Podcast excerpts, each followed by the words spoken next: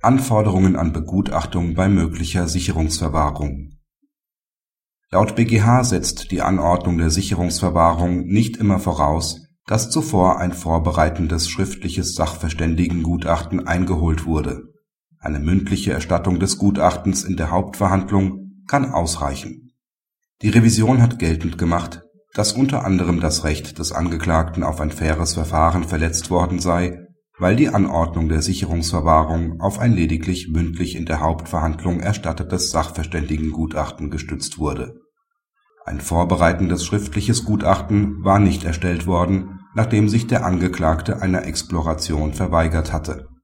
Der BgH sah in der Heranziehung eines nur mündlich erstatteten Gutachtens keinen revisiblen Rechtsverstoß. Aus § 246a StPO ergebe sich lediglich dass bei einer möglichen Sicherungsverwahrung ein Sachverständiger zu vernehmen sei, nicht jedoch, dass auch ein schriftliches Gutachten vorgelegt werden müsse. Auch verfassungsrechtliche Grundsätze geben keinen Anlass, weitergehende formelle Anforderungen zu stellen. Diese stünden dann zudem in einem Spannungsverhältnis zu den Prozessmaximen der Mündlichkeit und Unmittelbarkeit. Auch aus dem Vergleich mit dem Verfahren nach § 463 Absatz 3 Satz 3 in Verbindung mit § 454 Absatz 2 StPO ergebe sich nichts anderes, denn das dort geregelte Verfahren der Strafvollstreckungskammer ist in seinem Grundsatz anders als die Hauptverhandlung erster Instanz ein rein schriftliches Verfahren.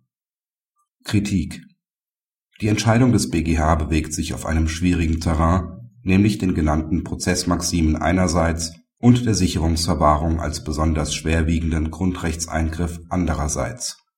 Eine durch den Fair-Trial-Grundsatz verbürgte effektive Verteidigung wird regelmäßig nur möglich sein, wenn sich die Verteidigung auf der Grundlage einer schriftlichen Fassung des Gutachtens vorab gründlich mit dessen Inhalt befassen kann.